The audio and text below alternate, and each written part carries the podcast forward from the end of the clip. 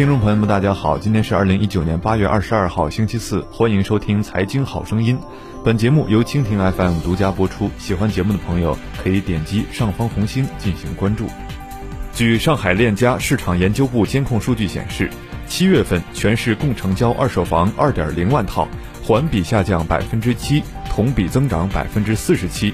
成交金额六百一十八亿元，环比下降百分之八，同比增长百分之三十九。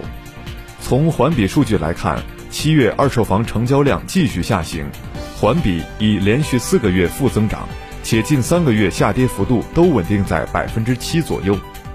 上述变化反映，市场总体成交活跃度有所降低。从前七月累计销量增速来看，与前六月持平，继续保持在百分之五十一，这极有可能意味着均衡市场态势可能已经出现。从价格运行方面来看，市场进入均衡状态的趋势更为明显。数据显示，七月份二手房均价同比负增长进一步收窄。从累计销售均价来看，已连续四个月保持同比下降百分之五的幅度，这说明二手房价格变化方面非常稳定。不过，二手房市场表现出明显的刚需购买特征。数据显示。七月套均总价和成交均价分别为每套三百零四万元和每平米三万八千五百五十元。今年前七个月内，套均总价和成交均价分别为每套三百零二万元、每平方米三万八千四百四十六元，明显具有小面积、单价低的特征，属于刚需首次置业所热衷的物业。其实，并非只有上海的二手房成交出现下滑。从更大范围来看，二手房成交下滑已成普遍现象。报告显示，六月二十六个城市二手房成交约十四点二万套，环比下降百分之十点六，同比增长百分之五点零，成交量环比降幅较五月扩大七点一个百分点。由此可见，六月二手房市场进一步降温迹象非常明显。进一步观察数据发现，二手房市场成交状况处于高位回落初期。数据显示，二零一九年二季度二十六城二手房成交量为四十六点七万套，同比增长百分之十一点六。二季度二手房成交量处于历史较高水平，创下二零一六年四季度市场降温后成交量的新高。按城市级别来看，二零一九年六月，不同类型城市成交量出现不同程度下滑。三线城市降幅最大，其中四个一线城市二手房成交量环比下降百分之八点八，十二个二线城市二手房成交量环比下降百分之十点九，十个三线城市二手房成交量环比下降百分之十三点二。按地区来看，西部城市二手房交易量下滑最为明显，四个西部城市二手房成交量环比下降百分之十六点三，同比下降百分之十六点九。二手房市场成交下滑，既有天气原因，也有政策原因。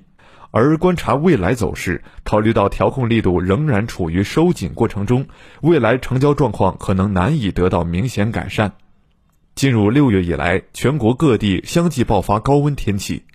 这在一定程度上使得市场购买意愿降低。业内人士表示。在每年的六至八月份，由于高温天气居多，人们更加愿意敷空调，而不是冒着酷暑去看房，所以成交量通常会下滑，这也是六七月二手房成交量下滑的原因之一。而从政策面来看，调控预期不断收紧是二手房成交量回落的主导力量。二季度，住建部对住宅价格指数累计涨幅较大的十个城市进行了预警提示。此后，苏州、西安等城市纷纷加码调控。西安出台了二线城市中最严限购令。七月以来，苏州、洛阳、呼和浩特、宁波等城市持续加码楼市调控，调控力度不断收紧，对市场产生了明显警示作用。成交回落自然在情理之中。业内人士认为，未来二手房市场可能出现量价齐跌态势。从后市来看，七月三十号，中共中央政治局召开会议，再次重申“房住不炒”。在经济承压下，不将房地产作为短期刺激经济的手段。鉴于小阳春后部分热点城市调控频频，下半年房地产调控政策不放松，预计市场预期大概率持续走低。三季度二十六城二手房成交量将有所下降，二手房价格指数同比涨幅进一步回落。从历史数据来看，在市场降温后，二零一七年至二零一九年上半年，二手房成交量处于盘整状态。从历史走势来看，盘整期成交的绝对量不低，在无政策利好的前提下，后续二手房成交量增长空间极其有限。同时，央行会议要求保持个人住房贷款合理适度增长，严禁消费贷款违规用于购房。近期，不少二三线城市又出现房贷利率频频上调的现象，尤其是杭州、南京、苏州、无锡等热点城市。实际上，在经历了今年前四月的连续下调后，房贷利率已经从五月开始迎来回弹。房贷利率的上升直接导致购房成本增加，会在一定程度上抑制购房需求。好了，今天的节目就唠到这儿，下期节目再会。